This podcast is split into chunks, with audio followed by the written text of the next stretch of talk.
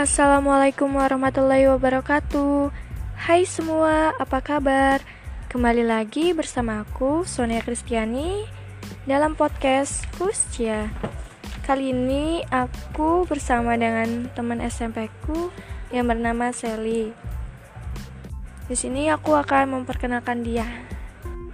Halo semua, perkenalkan nama aku Sally. Aku adalah teman Sonia di SMP. Jadi sekarang kita akan menceritakan tentang masa putih biru. Kenapa sih kita membahas topik ini? Kalian bertanya-tanya kan, kenapa menurut kamu? Karena kalau menurut aku masa-masa itu adalah masa-masa yang gak bisa diulangi lagi. Banyak banget kenangan dan hal-hal yang gak bisa diulangin bahkan waktu SMA. Jadi pertemuan awal kita ketemu itu di ekstrakurikuler karate. Waktu itu si Sally sedang sendirian duduk. Tiba-tiba aku nanya namanya dia. Namanya siapa? Kayak sok kenal gitulah istilahnya. Iya benar banget. Waktu pertama kali kita ketemu itu di tempat karate, sempet ngobrol-ngobrol dan akhirnya tahun berikutnya kita sempat sekelas bareng dan lebih dekat lagi. Kayak mulai curhat-curhatan ketemu sama orang tua bahkan sering banget kita buka puasa bareng. Kita happy fun bareng. Ada banyak sih. Kayak teman-teman yang lain. Kita tuh sekelompok ada enam orang ada Resa, Serly, Liza, Aida, Sonia dan aku. Yang pertama ada Resa. Resa itu bisa dibilang karakternya tomboy, baik, dan incaran para lelaki lah biasanya. Misalkan kita lewat nih lagi jalan sama si Resa, pasti para cowok tuh kayak manggil-manggilin Resa Resa Resa Resa terus lanjut yang kedua itu ada Sherly. Sherly itu orangnya baik penyabar dan dia tuh punya adik yang lucu guys. Yang ketiga si Liza. Liza itu orangnya baik pro muda muda bergaul dan dia itu suka nulis wetpad gitu guys yang keempat ada Aida. Aida bisa dibilang dia orangnya baik. Penyabar tapi sedikit kalau ada apa-apa kayak ngegas. Terus dia juga kalau misalkan kita lagi curhat nih ada masalah, dia itu juga bisa menjadi pendengar yang baik. Terus ada Sally. Sally itu bisa dibilang dia itu orangnya baik, pendiam, penyabar. Dia tuh selalu dengerin curhatan keluhan hati aku. Dan dia itu kalau misalkan lagi kayak gabut atau apalah dia tuh suka buat doodle gambaran-gambaran gitu. Dan terakhir aku nggak usah dijelasin lah biar Sally aja yang ngejelasin. Dia tahu kok aku kayak gimana iya bener banget. Kalau misalnya SMP tuh sering banget bikin doodle kayak gambar-gambar gitu. Karena waktu itu zamannya udah bisa gambar di buku di meja di tembok. Dan dari itu banyak banget teman-teman yang minta sama aku untuk dibuatin doodle juga yang cukup sulit buat aku gambarnya karena butuh waktu yang lama untuk menggambar satu doodle. Kalau Sonia sendiri karakternya ceria, cerewet, dia tuh anaknya manja dan senang banget usil sama orang. Di sana orang lagi diem terus di, ya pokoknya orangnya iseng lah. Kalau diem diusilin, dicoret lah bukunya ada aja deh kisengannya yang bangkunya ditarik. Misalnya nih kayak lagi diem lagi nulis tiba-tiba dicoret aja gitu. Udah banyak catatannya tiba-tiba dicoret. Ya banyak banget keisengannya yang emang udah dari dulu kayak gitu. Sering banget kita berenam itu ngumpul-ngumpul dan membicarakan hal-hal yang sebenarnya gak berfaedah sama sekali. Curhat-curhatan bahkan ya tau lah namanya cewek suka ngomongin orang ya. Tapi kalau sekarang sih jarang banget ngumpul karena memang waktu atau ada kesibukan yang lain. Jadi kalau ngumpul pun ya ada satu atau dua anggota yang emang gak ikut karena ada kesibukan tadi. Tapi dulu waktu SMP sering banget ngumpul. Bisa sama guru juga. Dan aku ingat banget waktu itu ngumpul di ruang BK makan bareng-bareng. Itu enak banget rasanya. Kangen banget masa-masa itu. Masa di mana yang sebenarnya lagi mikirin ujian ujian dan ujian tapi kita malah happy fun banyak banget kenangan pada waktu-waktu itu apalagi sama guru-guru kayak ada Pak Amrullah, Pak Yazid, almarhum Pak Edo, Bu Rinas, Pak Ihsan dan Pak Faisal. Ada satu lagi, Pak Bahrudin jadi semuanya itu ngumpul di ruangan BK bawa lauk masing-masing bawa nasinya juga dan kita ngumpul waktu saat pulang sekolah. Jadi semuanya pulang sekolah kita ke ruang BK dulu. Makan bareng-bareng di sana. Habis itu habis itu kita lanjut PM keesokan harinya kita kayak ngerujak ketemuan lagi di ruang BK kita nyiapin bahan-bahannya di depan kelas. Kayak nyuci buah-buahan ngupas buah-buahan nyambel ngulek di depan kelas. Dan rasanya tuh enak banget. Bener-bener enak banget. Momennya juga enak banget. Ketawa-ketawa bareng-bareng. Ada aja diomongin. Apalagi gurunya asik-asik nggak kaku kayak friendly banget lah sama muridnya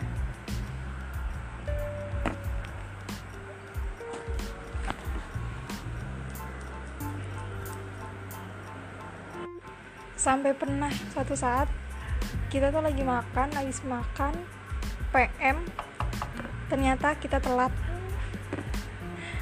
PM-nya yang lain udah pada selesai dan dia udah pernah ngerjain soal kita baru datang. Itu yang bikin ketawa sendiri kalau diinget-inget. Iya kita tuh pas masuk kelas kita tuh kan karena telat terus diomelin sama guru. Terus teman-teman juga pada kayak ngiri gitu. Guru-guru juga kadang suka nggak suka kalau misalkan murid terlalu deket sama gurunya. Pokoknya kita tuh kayak diomongin gitulah sama guru-guru dan murid-murid. Padahal kan kita memang salah kalau cuman kayak makan bareng terus kayak ngerujak bareng kan nggak berbuat negatif.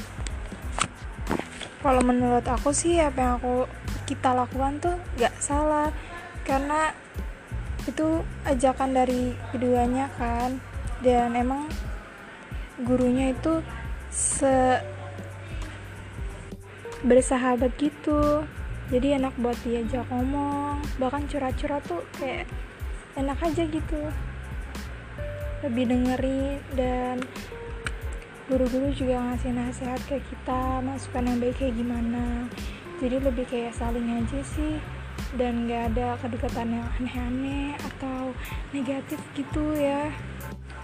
Iya bener banget tuh. Contohnya kayak kita tuh kayak diajarin gak boleh berbohong. Terus kayak kita tuh nyari cowok harus hati-hati. Karena kan pengalaman guru lebih luas dibandingkan kita. Jadi ya kayak dia memberikan nasihat dan saran buat kita. Terus lanjut ke tentang 17 Agustus. Jadi sekolah kita tuh ngadain lomba banyak banget lomba. Dan salah satunya adalah lomba menghias kelas. Itu aku inget banget karena situ hari libur pun kita tetap masuk bela-belain buat menghias kelas dan itu kan keadaan libur kelas dikunci semua dan kita masuk lewat jendela dong terobos ke belakang lewat kebun.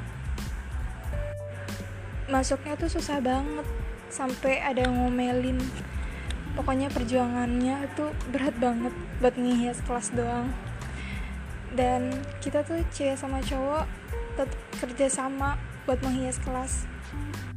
Tapi seru sih kalau menurut aku kayak enak gitu kayak seru kayak ngelakuin bersama-sama kayak kekeluargaan. Terus kita kayak menghiasnya kayak dari bahan-bahan bekas gitu loh kayak botol bekas terus gelas gelas bekas kayak gelas minuman mineral gitu. Sampai kamu tahu nggak son? Aku tuh ke rawa-rawa nyari batu. Ngapain coba nyari batu sampai ada kelas lain yang lihat terus langsung diketawain eh ngapain di situ? Di rawa-rawa astaga itu malu banget sih. Tapi itu yang bikin ada momen-momen kekeluargaan sih tapi seru juga.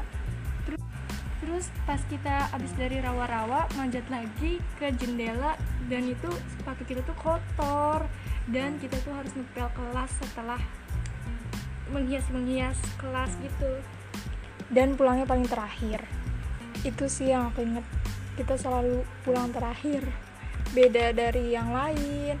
Yang lain udah pada sepi tapi kita baru pulang. Karena didikan ketua kelas kita tuh kayak ketat banget tegas. Jadi kalau misalkan pagi sama sore harus dipiket setiap hari. Betul. Seru banget kan? Sampai waktu itu kelas kita juara nggak sia-sia sih sebenarnya. Soalnya perjuangannya panjang banget. Yang iyalah ada sepatunya belok terus kotor lagi kotor lagi kita pel lagi pel lagi. Pulang terakhir. Untungnya teman-teman cowok kita tuh pada baik banget kayak nolongin yang ceweknya bantuin nempelin di dinding. Kan kalau di dinding kan tinggi jadi harus kalau cewek kan biasa lah tinggian cowok dibandingkan cewek jadi kita minta tolong dan untungnya cowoknya mau bantuin kita. Ya intinya bisa diajak kerja sama jadi saling bantulah. Udah kayak keluarga banget kan? Terus kita beli makanan dan itu kayak prasmanan gitu setelah nyelesain dekor gitu. Kita prasmanan di dalam kelas gitu loh. Dan akhirnya kita dapat juara satu. Walaupun banyak banget guru bahkan teman-teman yang lain dari kelas lain yang nggak suka karena emang menurut para guru dan kelas lain ada satu kelas yang lebih baik daripada kita. Tapi karena kelas kita paling bersih dan kreatif sekali jadi juara satu dimenangkan oleh kelas kita. Seneng banget kan? Terus ada juga nih kelas aku yang ikutan lomba. Dan kali ini lombanya lomba basket. Kelas kita tuh tuh kelas kita itu kalah telak guys. 42 42 kita mendapatkan skor 2 dan lawan mendapatkan skor 40 dan sampai-sampai teman kita tuh bilang mundur aja mundur mundur gak usah maju. Dan itu wali kelas kita tuh si Pak Amrullah terus dukung terus beri dukungan sampai ada anak cowoknya juga yang kayak pelatih kita.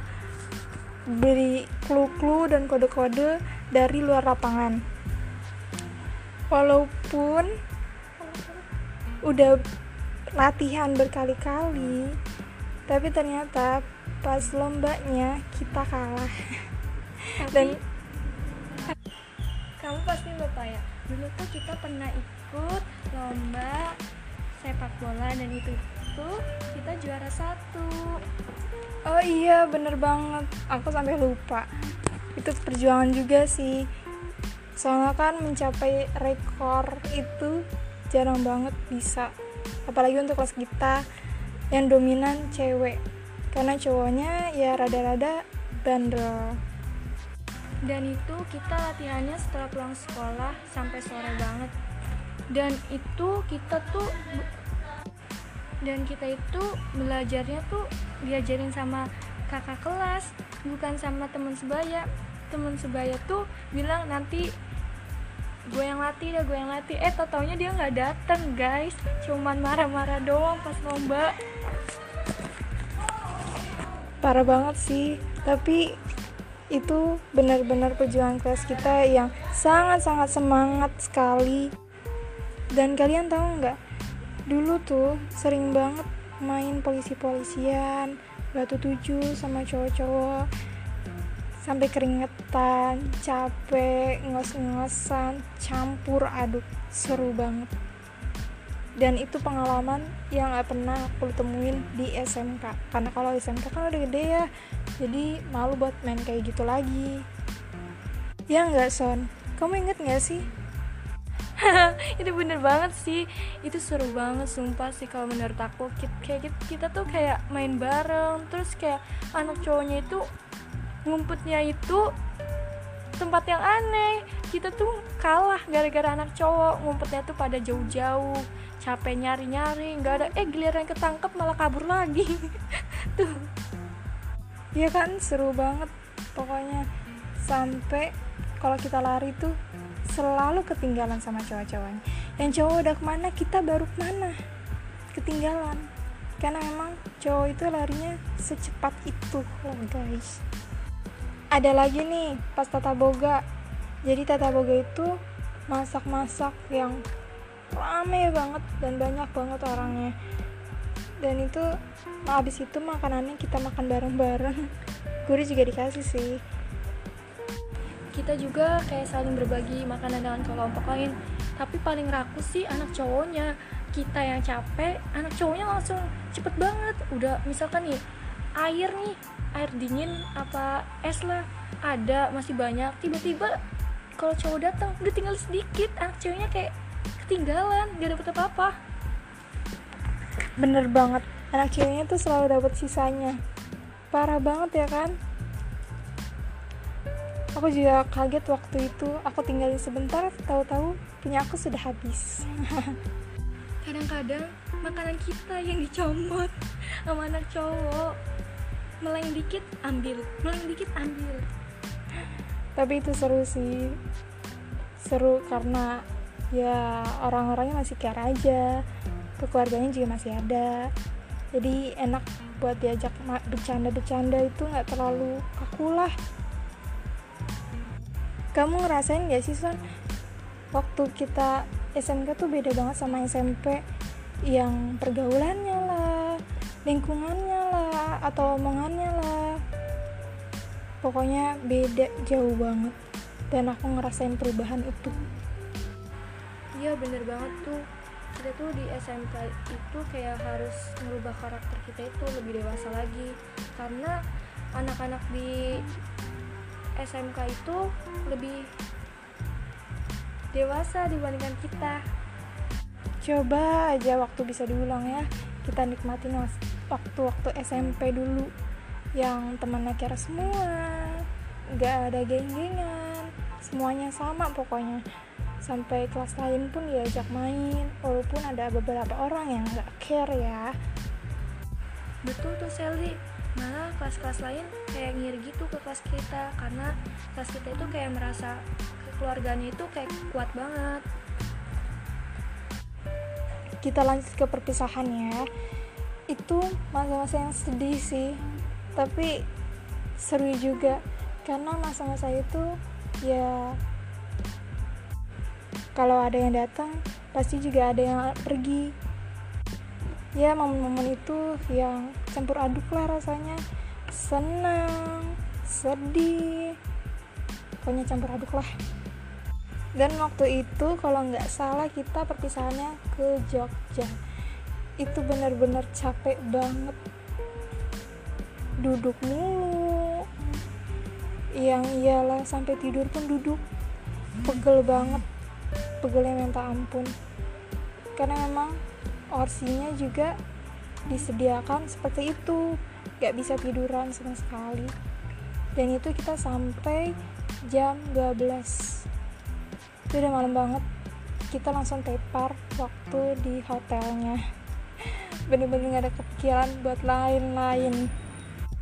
Ya kita tuh nyampe di Jogja tuh jam 12 malam itu karena emang macet banget. Dan itu lagi sistem buka tutup. Dan di jalan kayak aku ngeliat kayak ada kecelakaan mobil. Itu yang membuat macet juga sih kalau menurut aku. Terus pas kita berhenti stuck tuh di tengah-tengah Kayak guru-guru tuh pada keluar karena capek kan merasa di dalam mobil dulu jadinya mereka pada keluar kayak nyari makanan minuman. Guru-guru cowok kayak kayak pada buat ngerokok dan lain-lain dah. Kamu inget gak sih Son? Waktu itu pas perjalanan ada bus yang kecelakaan. Itu parah banget. Aku takut banget di situ. Karena itu udah malam banget dan aku takut hal itu terjadi pada bis kita. Ingat gak sih Son? iya inget banget. Bisnya itu kayak miring ke arah kiri loh. Jadi orang-orangnya itu masih pada di dalam ngeri juga sih ngeliatnya. Dan sampai sana setelah di situ besoknya kita ada pergi jalan-jalan. Aku lupa sih ke mana yang jelas. Tapi malamnya itu ada wisuda. Dan wisuda itu ada ya bener-bener kejutan banget kan. Aku nggak tahu wisudanya bakal seperti itu. Ada nangis-nangisnya ada yang bikin puisi juga. Itu sedih sih aku inget karena aku nggak ikutan juga tapi aku langsung di surprise kayak gitu. Jadi satu hal yang menyenangkan sekaligus mengharukan. Iya momen itu terharu dan berkesan banget sih menurut aku. Sampai temen aku yang cowok dia nangis ngeliat itu apa pertunjukan yang disajikan di acara wisuda. Baru pertama kali lihat cowok nangis. Jadi merasa aneh gitu bingung. Iya sih di situasi kayak gitu melihatnya emang wajar. Tapi baru pertama kali ngeliat cowok nangis guys. Terus terus kita sedih tuh kayak ngerasa kita tuh kayak udah deket banget kayak kekeluargaan. Terus kita udah sampai titik akhir di mana kita tuh kayak harus berpisah gitu. Jadi rasanya sedih guys. Ya pokoknya seterharu itu deh. Malam itu ada malam yang benar-benar bahagia sekaligus menyedihkan juga buat kita kita walaupun pas di sana uh, cuaca Jogja lagi panas-panasnya benar-benar panas banget. Dan kita tetap menikmati acara perpisahannya. Ya begitulah. Kenangan-kenangan waktu. Ya begitulah masa-masa putih biru. Itu kenangan yang paling indah sih menurut aku. Karena gurunya secare itu dan teman-teman secare itu juga. Keluarganya tuh bener-bener banget. Waktu itu ada acara sih sempat ada acara lagi. Kalau nggak salah buka bersama bareng. Tapi waktu itu jarang banget teman-teman yang ikut sekelas gitu ngumpul semuanya. Karena mungkin punya kesibukan masing-masing tadi. Ya itulah cerita podcast untuk kali ini. Ada yang ingin disampaikan? Pesan-pesan kepada Puscia aku ada pesan satu nih. Selagi punya temen yang benar-benar kekeluargaan banget care banget sama kita itu harus dijaga karena kita nyarinya susah dan ninggalinnya tuh semudah itu. Terus momen-momennya juga nggak boleh dilupain karena momen-momen masih itu tuh yang tanpa beban sama sekali kebanyakan ceria ketawa jadi nikmatin aja dan bergaul sama teman-teman yang kiranya bisa berpotensi mengantarkan kita ke hal-hal yang baik dan lebih baik lagi ke depannya gitu. Oke, terima kasih Sally udah meluangkan waktu untuk hadir di acara podcast ini. Terima kasih juga untuk kalian yang udah meluangkan waktu untuk mendengarkan podcast ini. Sekian podcast kali ini. Wassalamualaikum warahmatullahi wabarakatuh.